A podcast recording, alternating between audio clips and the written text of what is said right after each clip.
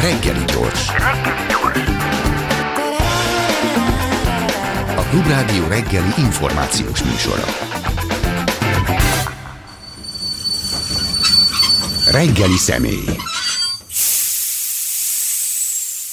Össze, össze, na, össze, összegerebéztem gyorsan. Csunderlik Péter történész, Politika Történet Intézet kutatója és az ELTE BTK oktatója. Az utolsó pillanatban sikerült leírnom ezeket a dolgokat.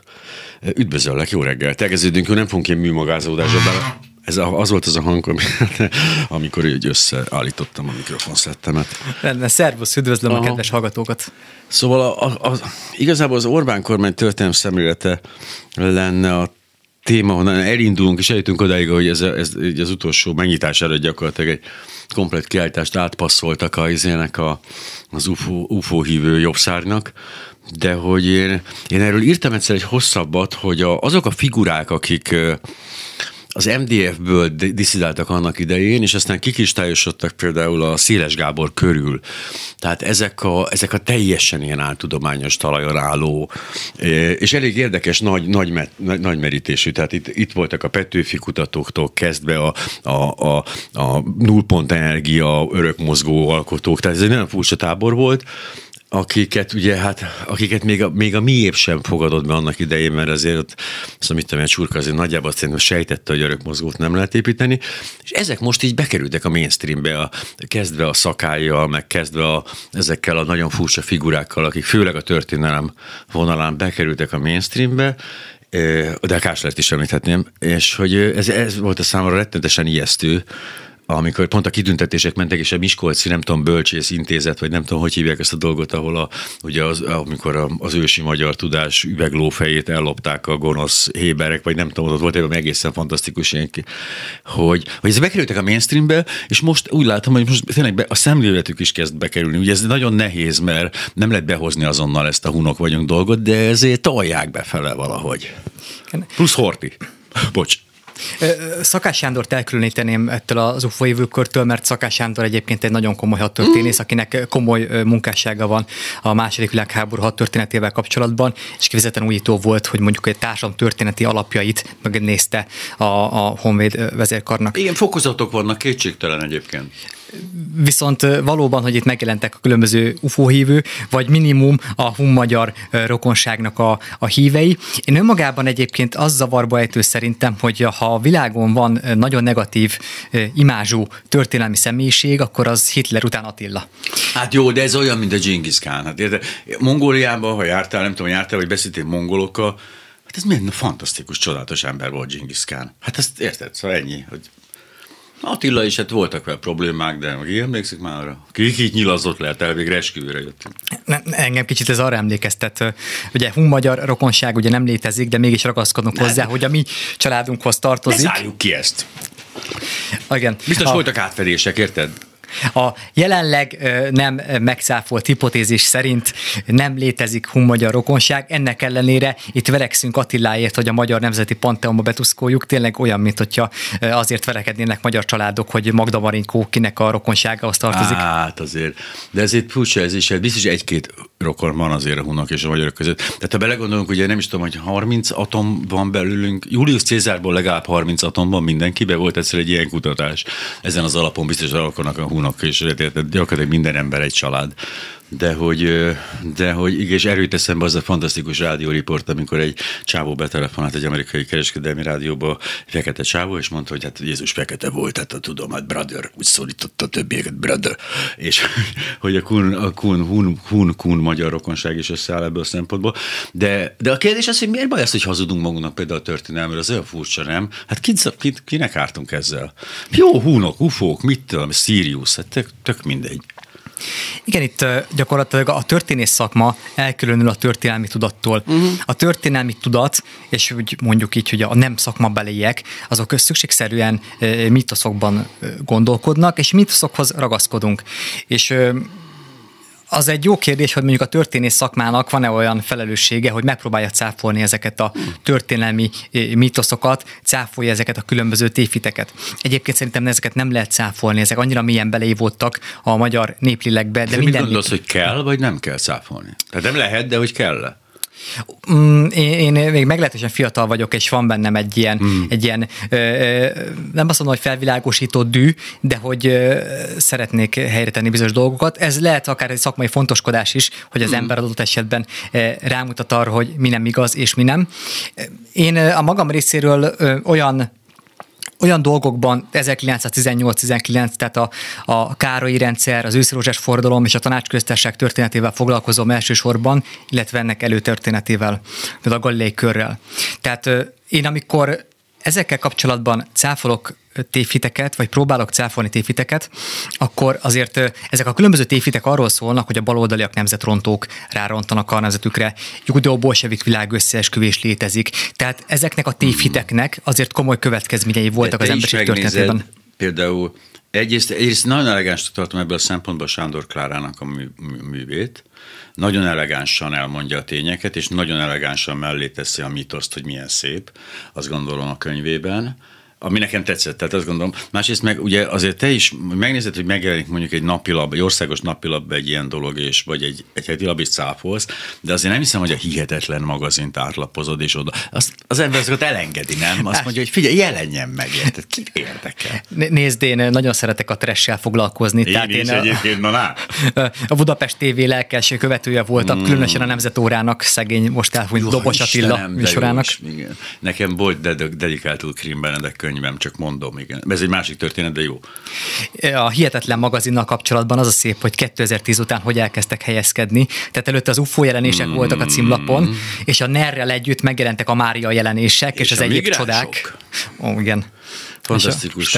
Hát fiatalok voltak, kellett a pénzt, tehát én ezt azt tudom csak, hogy Pataki Attila se volt mindig fideszes. Igen, tehát azért ezek őrültnek és bolondnak tűnnek, de azért a, a velük született üzleti érzék, és az, hogy hova kell egyébként helyezkedni, honnan jönnek a, a pénzek, akkor azért mindig, mindig megtalálják a lehetőségeket. Igen, és az Fidesz kormányon kapcsolatban szoktam elmondani, hogy gyakorlatilag a, a kormány az a cég, amely legtöbb fogyatékkal élőt alkalmazza, tehát úgy gondolom, hogy nagyon jók az arányok ebből a szempontból. Hát én is gondoltam már arra, hogy tulajdonképpen Mészáros Lőrinc pályája az a magyar baloldal sok évszázados vágyát testesítette meg, hogy egy gázszerelőnek akkora földje lett, mint régebben egy Habsburg főhercegnek, hmm. azért ez példátlan a magyar történelemben. Ilyet a Rákosi rendszerben se láthattunk. Na de jó helyen is vagyunk egyébként. A, tehát a mostani NER történelem szemléletben a első világháború pusztítására adott hibás válasz volt a, a tanácsköztársaság, egy teljesen nemzetidegen kívülről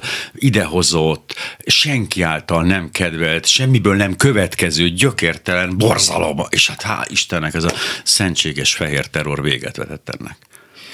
Hát ugye egyfelől, igen, ez egy nagyon régi jobboldali toposz, hogy amely részben ugye abból táplálkozik, hogy a forradalmi kormányzó tanácsnak a tanácsköztársaság vezetőinek egy jelentős része zsidó származású Hogyne. volt, de nem volt zsidó tudatuk. Tehát ateisták voltak, internacionalisták voltak, mm. ők nem zsidóként tekintettek magukra. Kombél elmondta, hogy zsidó voltam, kommunista lettem. Mm. Tehát ők eleve azért léptek be a munkásmozgalomba, mert ha bár jogilag emancipálták a, a zsidó vallásúakat, 1895-ben legvégül bevett felekezet lettek, de de a társadalom szintjén azért megmaradt a különbségtétel, a diszkrimináció. És ebből akartak kimenni. A revansvágy. Nem is, nem is az, hogy... A keresztény. A Zuckerberg is ezt csinálja. Igen? Legalábbis egy olyan világot szerettek volna, teljesen mindegy, hogy ki, ha, ha, ha, ki keresztény. Nem meg. Na mindegy. De hogy, de hogy mennyire volt, az viszont tényleg érdekel egy picit, hogy mennyire volt előzmények nélküli és gyökértelen ez a, ez a tanácsköztárság? Nem volt előzmények nélküli. A, az első könyvemet azt a Gallei kör történetéről írtam, amely egy baloldali, radikális, ateista, szabadgondolkodó diákegyesület volt, nagyon színvonalas egyébként. Na most mind a Gallei körben, mind a mellette lévő polgárradikális, tehát Jászi Oszkárhoz kötődő uh-huh. egy ilyen fővárosi, urbánus, intellektuál, szociológus társaság voltak, és nekik volt a 20. század folyiratuk, amely azt hirdette, hogy a magyar politikát a jelszó politikáról, tehát a kurucok és vagy a labancok szintjéről tudományos alapokra kell helyezni, szociográfiákat kell készíteni, tudós emberek majd válaszadnak a problémára. Ez volt a hát naív elképzelésük. Tanítványok. Ugye a Bereményi igen, igen, igen. Az. Csodálatos egyébként. Na most gyakorlatilag a tanácsköztársaság programja, amit igyekeztek megvalósítani, az már 20 évvel előtte fővárosi műhelyekben már jelen volt, tehát az antialkoholista propaganda, a szekuláris, tehát vallásmentes oktatás, akkor a a nagybirtokok felosztása, földosztás, általános választójog. Uh-huh. Tehát hisz ne felejtsük el, mikor írták a, a Marx és Engels ezt a népszerű bestsellerüket a a micsoda címe? A, a kommunista kiáltvány? Ja, igen, igen. 1848-ban jelent Kőkemény. Petőfék itt kardoztak, ők megírták a kommunista kiáltványt. Abszurd. Hát ugye valahol ezek összefügtek. Tehát ja, azért ne. Petőfi ugye nem csak a trikolort emelte volna magasba, hanem a, a vörös lobogót is. Mm. Tehát legalábbis képletesen ugye mindenképpen. Hát ő, ő, ő szélbalos volt abszolút. Tehát hajlamosak vagyunk egy ilyen egységként tekinteni 1848-ra, de hogyne, ott azért hogyne. Petőfi, Kossuth és hát, Széchenyi között világok voltak. Hát, az nagyon kemény menet lehetett egyébként. De térjünk vissza NER-nek erről alkotott képére. Most, most tényleg ez, ez a, a mínusz antiszemitizmus, illetve, illetve nagyon finoman, nem is tudom, hogy ki van-e szervezve az antiszemitizmus, vagy mennyire tudatos ez, de hogy a, ugye a trash műfaj, ugye a, a NER-nek vannak az elég komoly ilyen trash, trash műhelyei, ahol azért persze vadul megjelenik ennek az antiszemita narrációi, de azért a központban azért még annyira nem nagyon-nagyon ügyesen megy, megyelik ezeket. Tehát Aha. itt minden, minden feladatra azért tartanak legalább egy úgymond szóvivőt, uh-huh. és egyébként egy csoportot. De Orbán Viktor politikája egyébként is arról szól, hogy nagyon ügyesen mindenkinek kínál egyébként valamit, és ez a, a megvesztegetés mondjuk a legalcsóbb, a legszegényebbek szintjén, ugye az úgy, úgynevezett ugye zsák krumpli, Igen. de itt azért a mondjuk a nemzetközi nem az, nemzetközi konzervatív értelmiséget is igyekszik megvesztegetni. Ezért nagyon komoly ösztöndíjakat osztogatnak uh-huh. Magyarországon, tehát Margaret Thatcher egykori tanácsadója, egy neves oxfordi történész Norman Stone, ő élete végén Egyébként Budapesten élt, és egy Orbánista hmm. magyar történelmi könyvet írt Magyarország rövid története címen, uh-huh. angolul, és hát nyilván arról volt szó, hogy a Norman Stone, aki valaha egy nagyon nagy név volt, és nagyon jelentős történész, hát különböző egyéb problémái miatt így mondjuk így, így lefelé süllyedt, vagy klasszálódott a tudományos életben. Még volt egy jó neve, Budapestre jött, és hát természetesen megírta ezt a könyvet Igen. egyébként. Nem, nem egy zsákrumpliért. Ben biztos vagyok, mert annak idején, amikor a narancsban voltak, hát hogy is mondjam, apró ellentétek voltak a magyar narancsban, és akkor is szétrajzottak az emberek, akkor egy elég sok emberrel lecsapott a Schmidt Mária különböző megbizatásokkal, és igen, tehát jó, jó, jó összegekkel dobálózott. Szalkos az volt, hogy 18 ezer bruttóért kellett valakinek havonta dolgozni, úgyhogy ott azért kezdetek. És érdekes módon akkor is volt ott pénz, amikor még nem ők voltak kormányon, tehát az is, az is ügyesen ki volt egyensúlyozva, hogy át, átvészeljék ezeket az időszakokat. Én mindig mondom, hogy az az innováció az Orbán féle kormányzásban, hogy az embereket kifizetik. Tehát nem az van, hogy hát rendes, független, rendes baloldali demokrata vagy, hát akkor te megcsinálod ingyen is. Na ezt ők nem mondják és ebből működik a rendszerük. De a történelem szemléletük azért az elég speckó. Tehát ezt azt kell mondjam annak vannak előzményei, csak, ö, csak teljesen posztmodern már. Tehát, hogy is uh-huh. mondjam, a hortikori történet szemlélethez nyúlnak egyébként vissza, Igen. amely ö, például azt állítja, hogy a baloldal az mindig ráront a, a nemzetre. Egyébként ö, alapvetően induljunk ki, tehát, hogy a Trianon és előtörténete.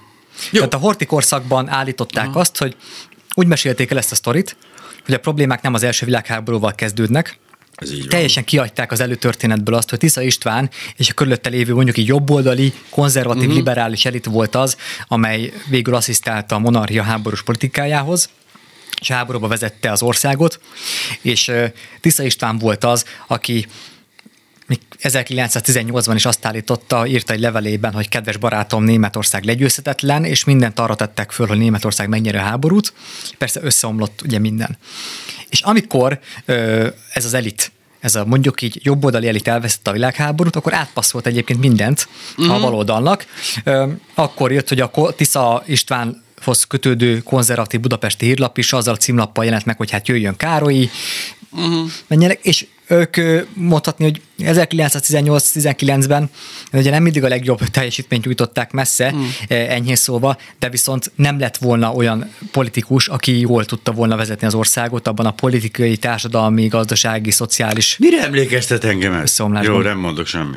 De hogy igen, mert ez a most ugye nagy, nagyszerű egyébként az Antal Tamás, ugye Antal József fiának nagyszerű ez a bejegyzése most, hogy, hogy hirtelen valahogy így megvilágosodhatott. Antal vagy- Péter? Péter, Péter, nem Tamás, ja, persze. Elnézést kérek tőle. Péter, tényleg hogy, hogy megvilágosodott, de hogy tényleg ez a helyzet egy kicsit emlékeztet arra, hogy hát én most úgy nem lennék a győztes helyében a választások után. Igen, itt nagyon... De, de Talán adjuk oda egy időre a kommunistáknak, a, a Türmer Gyulát ráncsuk elő, és mondjuk, hogy csinálja már pár évig most a dolgokat, hát ha bejön. Na egyébként most a miniben most egy ilyen hasonló történet játszódhat le akár Mhm. uh-huh. egy nagy összeomlás miatt, amit persze nyugodtan rá lehet majd tolni megint a hatalomra kerülő baloldalra. Nyilván. Ö, és ugye a Horti korszak is ezt játszott el, hogy végül Trianon teljes mértékben ráfogták Károly Mihályra, a Károly kormányzatra, mm. meg hogy büntetésből kaptak a tanácsköztársaság miatt, holott a leendő magyar határok a magyar-osztrák kivételével már el voltak döntve 1918 ősz előtt. És ö, elmosta, bocsáss meg, csak hogy elmosta a trianoni évfordulót ez a Covid, ez borzasztó volt, pedig ott lettek volna csodás pillanatok, érzem. Ugye az az érdekes, hogy egyfelől igen, itt megint az, hogy az Orbán ugye hány felé játszik, és uh-huh. milyen típusú ö, csoportokat ö, nak próbál megkedvezni, mert egyfelől nyilván vannak ugye a nerhívők, Trianon, a nagy nemzeti sérelem. Hogyne, hogyne. Itt gyakorlatilag ö, egy nagy gyászünnepé lett volna, uh-huh. ami nem a traumáknak a feldolgozásáról szólt volna, hanem a sebek újra feltépéséről. Mert És ez ebben nagyon fontos erről, azért néhány szót említsünk, mert borzasztó volt beszélgetni olyan emberekkel, akik azt mondták, és neked nem fáj, Trianon. És mondtam, hogy ez nem, nem, azért nem azt jelenti, hogy hajrá, vegyétek el Miskolcot is. Tehát a liberálisok, mint ahova magamat sorolom, nem azon az állásponton vannak, hogy legyen a szlovákoké Miskolc, mert elég is büdös és unnyuk. Tehát, hogy, tehát és nagyon érdekes, nem lehet róla normálisan beszélni, mert hogy, mint a menekült helyzetről, stb. egyszerűen képtelenség kommunikálni, nem, nem csak a tényleg hülyékkel, mert azok ugye nyilván képtelenség, hanem a, a, bárkivel is ebben a témában. Hogy ez ijesztő, hogy, a, hogy például ez a Trianon trauma mikor volt már, édes jó Istenem, nagyon régen. És még mindig nem sikerült feldolgozni. De ez az, amit szaktumány kulturális traumának hív. Uh-huh. Tehát például a tanácsköztársaságból a hortikorszakban gyártottak le egy kulturális traumát, tehát amikor a nemzetközi közép-kelet-európai összehasonlításban nézzük, hogy a vörös terrornak hány áldozata volt, egyébként nagyon kevés más országokhoz képest, és pláne a összevetjük mondjuk a fehér terrorral, vagy, vagy éppen a, vagy a károlyi korszakban, a pacifista, gyenge károlyi rendszerben mennyien estek áldozatul a rend, úgymond rendteremtési kísérleteknek, uh-huh. amikor a vidéki lázongókat leverték. Na de a horti korszakban legyártották a tanácsköztársaságnak egy ilyen horror történetét, amelyben teljesen kihagyták a szociálpolitikai intézkedéseket, uh-huh. tehát a, vagy a gyerekek balatoni ültetése, vagy az, hogy a Margit szigetet megnyitják, már nem kell belépő díjat fizetni érte, kertek. Hát hogy néz ki a- azóta is? Igen? Tehát, hogy ezeket kihagyták, és csak a vörös terrorra kutattak, és azt felnagyították, horrorfigurákat gyártottak le a kommun vezetőiből. Na most ugye ez történik egyébként, és ezt vették át ma is, és a hortikorszakban jellemző volt az, hogy egy sokáig nagyon izgatta az olvasók fantáziáját, hogy mi történt a tanácsköztársaság idején. Uh-huh. A, a- második könyvemet az pont arról írtam, hogy mennyi röplap és mennyi monográfia vagy füzet jelenik meg a kommunről a hortikorszakban. Uh-huh, uh-huh. És először ez egy izgalmas, szexi, véres téma volt, tehát hogy a vörös terror meg minden, de hamar, ja, ja. hamar elkezdték unni ezeket az olvasók. És ekkor jöttek azok a kifejezetten megrendelésre született, született könyvek, amelyeknek az volt a feladata, hogy, hogy újra és újra kezedbe adják, újra és újra elmondják, újra és újra emlékeztetnek rá, hogy mi történt 18-19-ben, persze meghamisítva. Ö, 2018-ban avatták fel újra a vörös terror áldozatainak emlékművét. Ugye a Nagy Imre szobor. Mm, igen, igen, igen. ö, Jaj, ez csodás. Ja, a direkt nem fényképezkedni, ez annyira tetszik. Bocsánat, 2019 Igen, őszén. igen, igen. Na most a vörös terror áldozatai szerepelnek rajta, de az első áldozat Tisza István, oh. aki 1918. október 31-én halt meg, mennyi, négy és fél hónappal a tanácsköztársaság kiáltás előtt. Tehát nem volt akkor vörös terror. Hát de vörösök voltak. Hát ez olyan. De hogy, de hogy akkor sem voltak Jó. egyébként úgymond vörösök. Tehát De jó, Károly, az igaz, de- Amikor Károly Mihályból miniszterelnök lesz, ő a nacionalista ö, politikus egyébként, mert Mhm. a kurucos függetlenségi pártból érkezik. Csak ugye mindent, rá, mindent lefestettek vörössel és leöntöttek vérrel. A harmadik birodalomról sem szoktuk kiemelni, hogy teljes foglalkoztatottságból. Tehát én ezt azért megértem bizonyos fokig. Hát amennyiben, amennyiben identitást akarunk építeni belőle, az, az én álláspontom De az te a mindig... történelemtudományról én- igen. beszélsz. Az egy speciális álláspont. Az, az biztos egyébként, hogy amikor identitást akarunk építeni múltbeli eseményekből, akkor, akkor nagyon feketén-fehéren látjuk a dolgokat, miben és őkben. Ezen alapul az egész identitás konstruálás, hogy, hogy az ellenséget föl kell mutatni, é, és akkor Igen. az ellenséggel szemben meghatározó magunkat. És az Orbánék felmutatják, lényegében azt csinálják, hogy azok, akik itt 1918-19-ben voltak, ugyanazok, mint akik ma is vissza akarnak jönni. Hogyne. Ugyanez a társaság. Ugyanazt és akarják A történelem arról szól, hogy vannak ők, és vannak, vagyunk mm. mi, magyarok nemzetiek. Egy örök harc tették a nerben a magyar történelmet. És ismét. folyamatosan áldozatok vagyunk, az a legszebb. Nekem azt tetszik legjobban, hogy nagyon erősek vagyunk, zsenik vagyunk, az egész világot nekünk kéne de mindig áldozatok vagyunk, hogy ez nagyon furcsa, hogy megfér egymás mellett. Hogy hát bárki ide jön és így letapos minket, akkor miért akarjuk mi a világot irányítani? Igen, ez nagyon szép, hogy egyszerre építenek arra, hogy Magyarország a kereszténység védőbástyája, uh-huh. mi védjük meg Európát, másfelől pedig, hogy mink belünk folyton elbánnak. Lényegében Igen. Európa sose hálálja meg, a nyugat nem hálálja meg, hogy mi megvédjük őket, de azért ennek az áldozatkultúrának azért nagy hagyományai vannak a magyar történelemben, ha csak a himnuszra gondolunk, Igen, igaz, ami egy kemény, önsirató ima, és a, a felelősség áthárításról szól egyébként. Hát hogy van benne erre utaló rész, igen, most, hogy belegondolok. Balsorsak itt régen tép. Hát. Igen, és hát ugye Istentől várjuk egyébként a megváltást, Hát és nem nyilván. saját magunkat akarjuk a hajunknál fogva kihúzni a hát, gödörből. Igen, mondjuk, igen.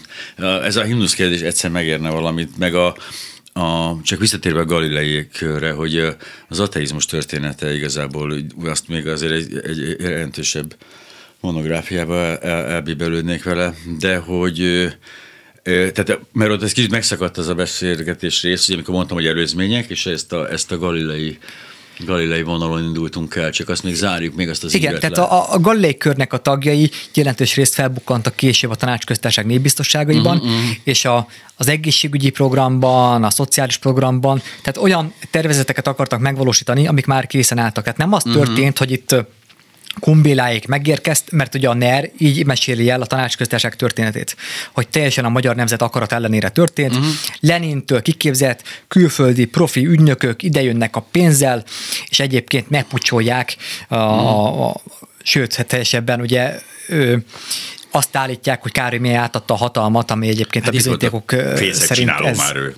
ez nem, nem igaz, mai tudásunk szerint, de hogy azért ö, Kumbéláéknak egyébként egy jelentős támogatottsága volt. Tehát nem véletlen, hogy a, ha csak a vörös hadsereg vezetését nézzük, a későbbi hortikori katona Jelit volt az, ami a komoly vörös hadseregét vezette, mert úgy gondoltak rá, hogy az adott történelmi mélyponton, amikor északról a csehszlovákok jönnek, keletről a románok, délről a szerbek és a franciák, egyébként blokkád van, egy szövetséges kell találni, és az egyetlen szövetséges a Szovjet-Oroszország lehet, úgyhogy még a, a bolsevizmussal és baloldali szimpátiákkal nehezen vádolható ö, magyar katonatisztek is azt mondták, hát akkor, hogyha a vörös hadseregben kell egyébként szolgálni, és hogyha onnan kapják a fizetésüket, persze, akkor ö, ö, vezetik a harcokban.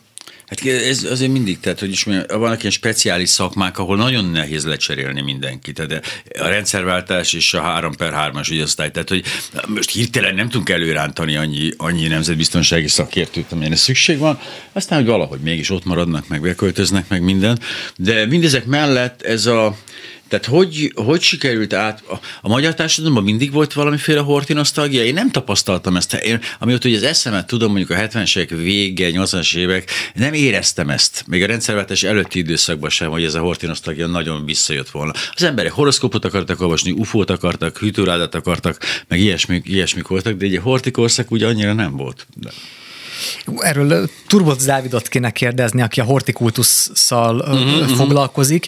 Ő, biztos tudná erre választ adni, hogy mondjuk a Rákosi vagy a Kádár rendszerben bármiféle nosztalgia életette, az az igazság, hogy szerintem azért ez egy olyan nagy hatású volt az összeomlás uh-huh. 1944 őszén, és hogy a következményei, tehát azért az, hogy Horti Miklós végül annak a Szálasi Ferencnek adja át hatalmat, és nevezik ki miniszterelnöki, aki saját maga is eszelősnek és őrültnek tart, uh-huh. mert hogy a fia a kisebbik fia élete az fontosabb volt neki. Tehát amennyiben elfogadjuk, hogy minden politikusi pályát megmér az, hogy hogy miként távozik a hatalomból, és miként Igen. adja át az országot. Hát az egy nagyon negatív. De hogy amit tapasztalok, az egy folyamatos Kádár nosztalgia. Tehát az emberek Kádár sírják vissza, és ezért a Hortit istenítő pártra szavaznak, de hát ez nem probléma a magyaroknál, soha nem volt az. Igen, de ott talán azért fontos szerepet játszott az nem, tehát hogy azért, hogy Kádár János pont meghal egyébként még mondhatni a kvázi összeomlás előtt. Nagy rendező volt ez ebben az esetben, ez igen a valóság. Hogy ez megszépíti a Kádár rendszert? Szerintem ez, ez megszép, megszépítheti. Tudja, egyszerűen csak a fiatalság. Meg egyébként azért azt a azt a jóliti emancipatórikus politikát, amit 1940 után, tehát mondjuk a magyar vidék esetében a villanyosítástól kezdve uh, uh, arra ez a rendszer hozott, és persze részben a kor, ugye, ugye, ugye, ugye ahogy a Baknak mondta Széchenyi, hogy ugye a, a vasutat a kor hozta, és nem ön miniszter úr, tehát nem minden, ami a magyar vidékkel történt emelkedés, az nem minden a, az államszocialista rendszernek köszönhető, egyáltalán nem, sőt történtek ott nagyon uh, csúnya uh, intézkedések, de azért mégiscsak, tehát azért itt a nyomorból, ha nem is három millió kódos országa volt Orti korszak, mert ez is egy, ez egy baloldali toposz, hogy a három hogy millió kódos országa, azért azért ez jelentős életszínvonal emelkedés jelentett sokaknak, és, és mobilitást. Tehát ha, ha csak a család, saját családomból ö, ö, indulok ki, tehát nem kétes Y-nal végződik a nevem, tehát nekünk is egy... Valóban, ahogy mondod, bár nagy emelkedés azért volt. még mindig jobb, mint az én Kovács nevem, csak jelezném, de parancsol. Tehát a, az, hogy kik mertek egyébként egyetem, kik szerezhettek érettségit, kik szerezhettek egyébként, kik, kik szerezhettek diplomát. A Rákosi rendszerben azért megnyitották ezeket a ö, csatornákat, persze ez egy erőltetett ö, pozitív ö, diszkrimináció volt más osztályok és csoportok árára, de legalább egyszer megtörtént ilyen a magyar történelemben, amikor a Sós Imre... bezárták tudni ezek, ugyanezeket a csatornákat. Nyilván, de hát akkor se lehet. Azért, azért mennyivel egyszerűbb, akkor azt mondták, hogy lehet tessék érettségizenek a parasz gyerekek, és legyen diplomájuk. Most azt mondják, figyelj, nem kell, gázszerelő, pan, milliárdos. Tehát, hogy nem kell ezek hülye egyetem közé. Tehát mondjuk ezt én is érzem, hogy felesleges. De, de, de, de, de, de annyi, amíg az érdekes, hogy szerintem meg azért az, az erősebben játszik ebbe közre, amit Eszterház írt, hogy speciál, hogyha az ember a, a 50-es évben 20 éves, akkor akkor, akkor a legboldogabb. Hát nem tud mit csinálni, mert akkor a legboldogabb az ember, akkor szerelmes, akkor minden izé van, és arra mindig úgy fog visszagondolni, hogy ó, biztos van olyan, aki azt mondja, hogy ó, Istenem, 1944, milyen jó év volt, mert akkor ismerkedett meg a szerelmével, azt kész. Tehát az ember azért nem a történelmi folyamatok alapján minősít egy-egy korszakot, azt tette ha csak nem közvetlenül elszenvedője, és őt verik éppen.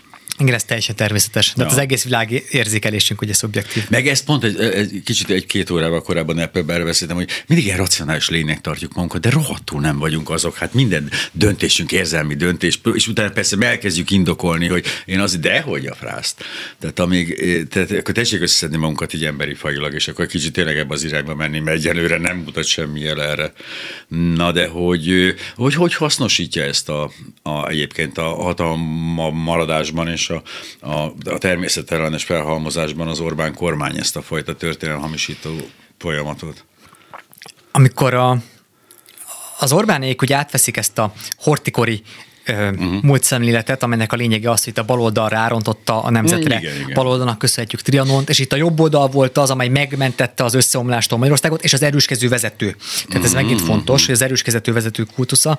Itt Tisza István, Horti Miklós és Orbán Viktor között teremtenek egy kontinuitást. De vezető volt Horti egyébként? Én nem, nekem nem, nem tűnik Nem annak. volt. De a kultuszában ezt építették ja, föl. Uh-huh. Ez jó, ez egy áthallás. Tehát, okay. tehát ahogy ugye Horti Miklós megfogalmazta a fehér terror idején, hogy ugye acélseprővel kell söpörni, tehát hogy ott azért mondjuk barkás volt a szerepvállalása, de azért a későbbiekben nem tekintetjük őt annyira erős hmm. vezetőnek.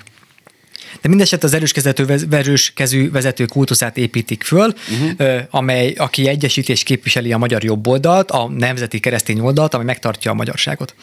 És ezért fontos az, hogy itt a rendszerben azokat az egyéb alternatív intézeteket, műhelyeket, amelyek ki tudják hívni ezt a történet szemléletet, felmutatva az alternatívát, vagy, vagy a, az ellenbizonyítékokat, azoktól, hogy elveszik a támogatást, megszüntetik.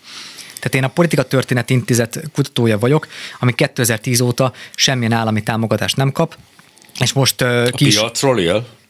Igen, Európai Uniós ugye, pályázatokból, Az kőkemény ám, igen. Van, igen, tudományos műhelyként, ráadásul úgy, hogy az intézetnek könyvtára is van, levéltára is van. És hát ki is lakoltatták az intézetet ö, 2020 végén, miután ugye legfelsőbb szinten fordult a dolog, és elveszítette egyébként a pert a kúriával szemben, és a magyar állammal szemben, és az odaadta az épületet, visszaadta az épületet a kúriának, ahol ugye visszaköltözik az Alkotmány utcába. De említetném itt az 56-os intézetet is, amit szintén, Igen. ugye előbb az OSK-nak lett egy osztálya, aztán ugye szétszették, a Veritas nagyon érdekes pont az megtették. 56-os intézet és 56 kapcsán az a hirtelen fordulat, amikor rájöttek, hogy Nagy Imre kommunista volt. Te, Úristen, képzeld, a Nagy Imre kommunista volt, mondta Kövér László Orbánnak. Hű, ne hülyéskedj, tényleg? Hát akkor ugye, akkor, izé, akkor erről be, akkor kopjunk le innen. Tehát volt egy ilyen pillanat. És az nagyon szép, hogy ott miként építik vagy a pesti srácoknak a kultuszát, Mm. és ilyen alternatív hősöket, mint ugye Dózsa László, Nem alternatív hős, hanem hős. Dózsa László, az, igen, nekem, a- nekem személyesen hősem. Komolyan mondom, tényleg az a csávó. Az, na, és hogy tényleg nem az a baj, hogy ő egy ilyen, izé, tehát egy konfabuláló, ilyen enyhén is vicces színész, hanem az, hogy emögé beáll egy kormány. Tehát innentől kezd rohadt vicces lenni a dolog. Ez nem, mint a Fütyös Gyurit így hirtelen elkezdeni, hú, hát a Fütyös Gyuri mekkora ember, és akkor mindenki őt izé, mutatná be.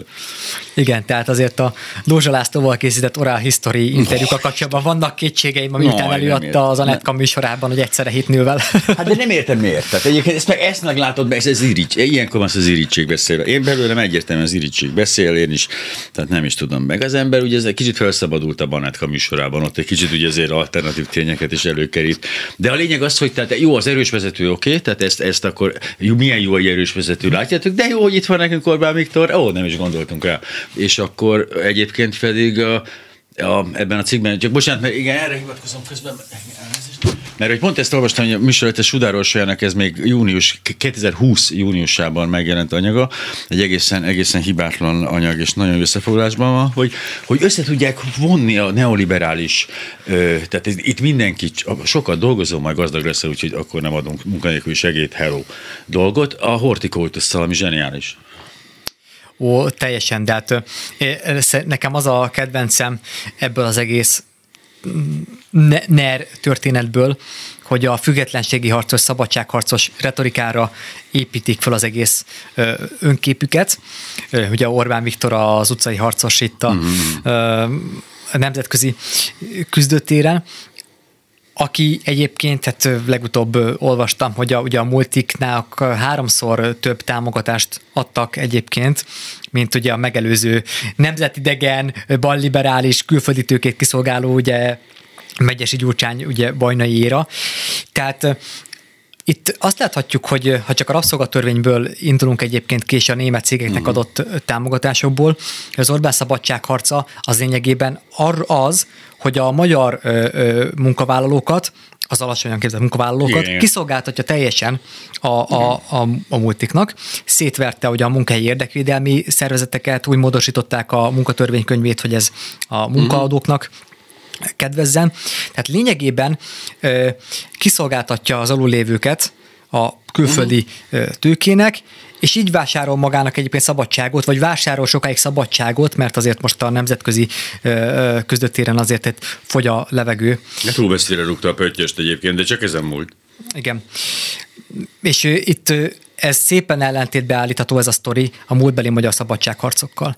Tehát a múltbeli magyar szabadságharcok, a Rákóczi, vagy 1848-49, mindig abból merítettek erőt, hogy jogokat bővítettek.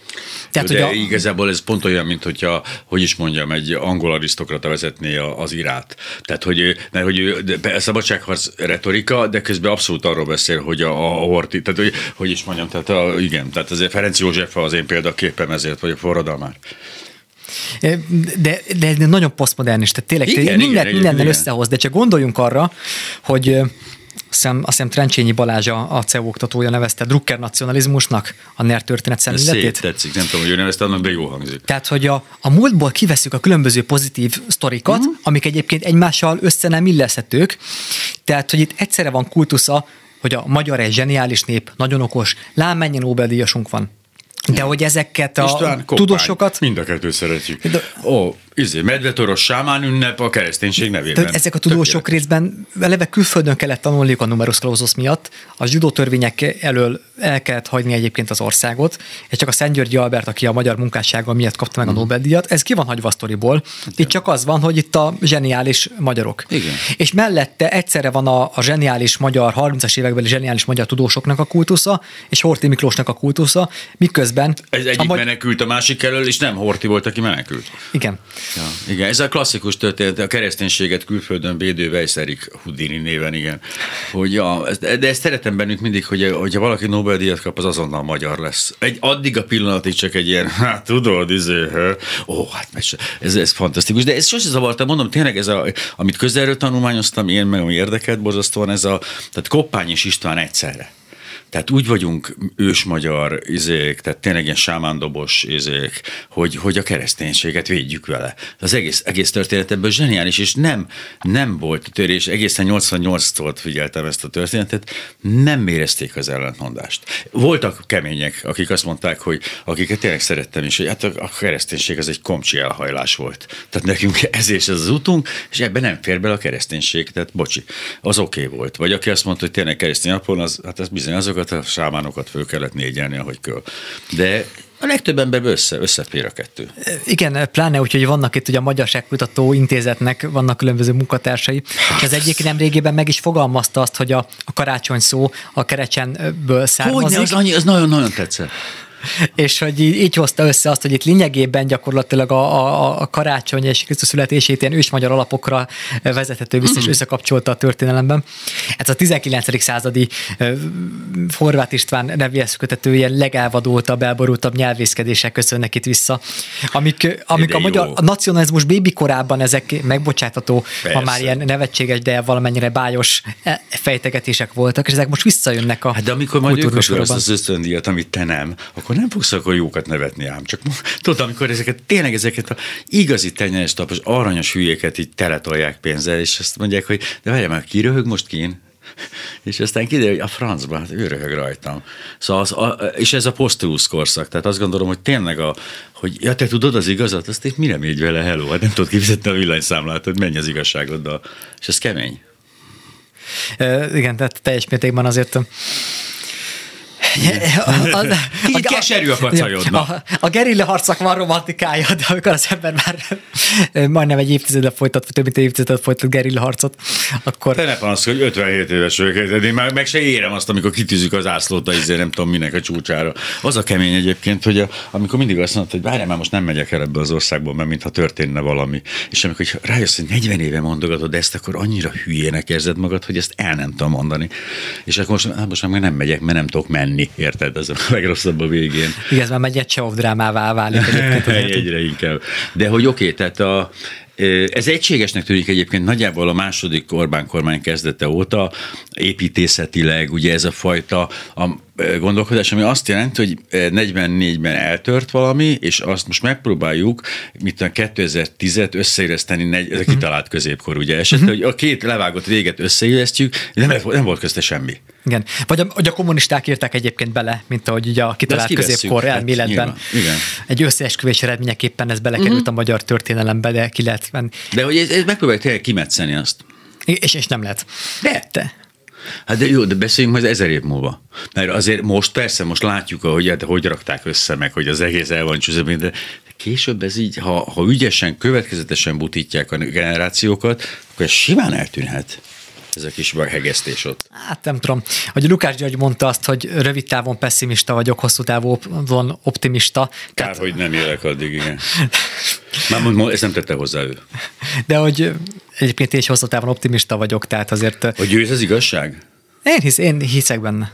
Jó, hát ugye van 7 Az percünk. idő igaz, és eldönti, ami nem az, ahogy Ó, Petőfi Sándor írta. 8 percünk van arra, hogy ezt most el, eldöntsük, hogy egyrészt azt gondolom, hogy a, A lakosság többsége nem foglalkozik ezzel, és a lakosság többsége ugyanúgy volt Európa párti annak idején, amikor volt egy azért egy nagyon erős korszak a gyógyságnak, amikor a magyar nemzet egy emberként állt mögötte, és mindenki Európához akar tartozni.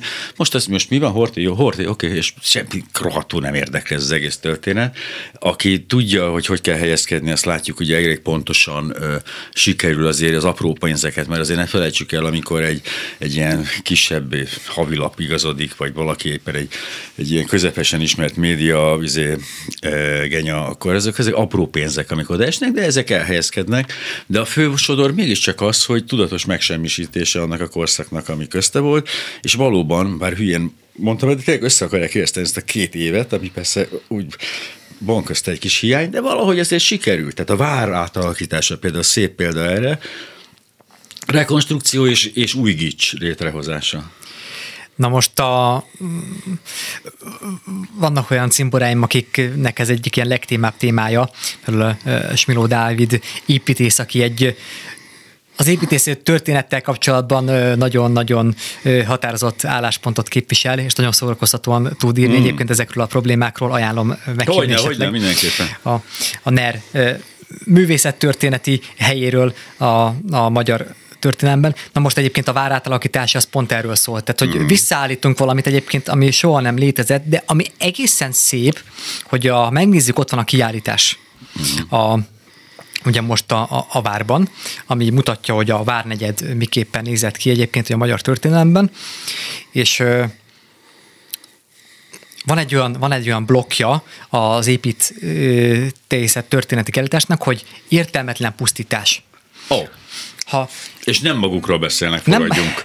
Nem. És ugye beszélhetnének akár arról a, arról a korszakról, amely a második világháborúba bevezette az országot, és egyébként ezért ugye bombáztak szét Például, mindent, igen. de nem. Az értelmetlen pusztítás az az, amikor a, a Rákosi rendszerben egyébként ugye megindul a, a rekonstrukciója a várnak, és tehát a maga idejében, amennyire tudom egyébként, pont a, a, az ezzel foglalkozó barátaimtól, az egy teljesen korszerű műemlékvédelmi vagy műemlék megőrző irányzat volt, uh-huh. hogy a, a vasbetont ötvözzük, tehát hogy egy vasbetont pakolunk hozzá a megmaradt hogy emlékekhez. És egy ilyen... Láttam más országokban is alkalmazni, épp azért, mert jól, legalább jól elkülöníthető a két dolog. Ugye a, a Salamon torony ebből uh-huh. a szempontból Visegrádon azt szokták egy ilyen állatorvos lóként mutogatni, uh-huh. hogy a, hogyan, hogyan rekonstruálták ezt. De az egy tudatos koncepció Persze. volt, hogy elkülönítjük, hogy mi maradt meg, és akkor hozzáépítik azt, hogy, e, hogy nagyjából kinézített. Én a Diósgyőri várnál szerettem volna ezt, de ott nem sikerült soha ezt megcsinálni. Ugye ott az volt, hogy egy, egy, az egy négy tornyú valami, és egy megmaradt viszonylag jóra, egy nagy, nem, a többiek beteg volt, és ott például nagyon jól lehet volna, lehetett volna alkalmazni ezt.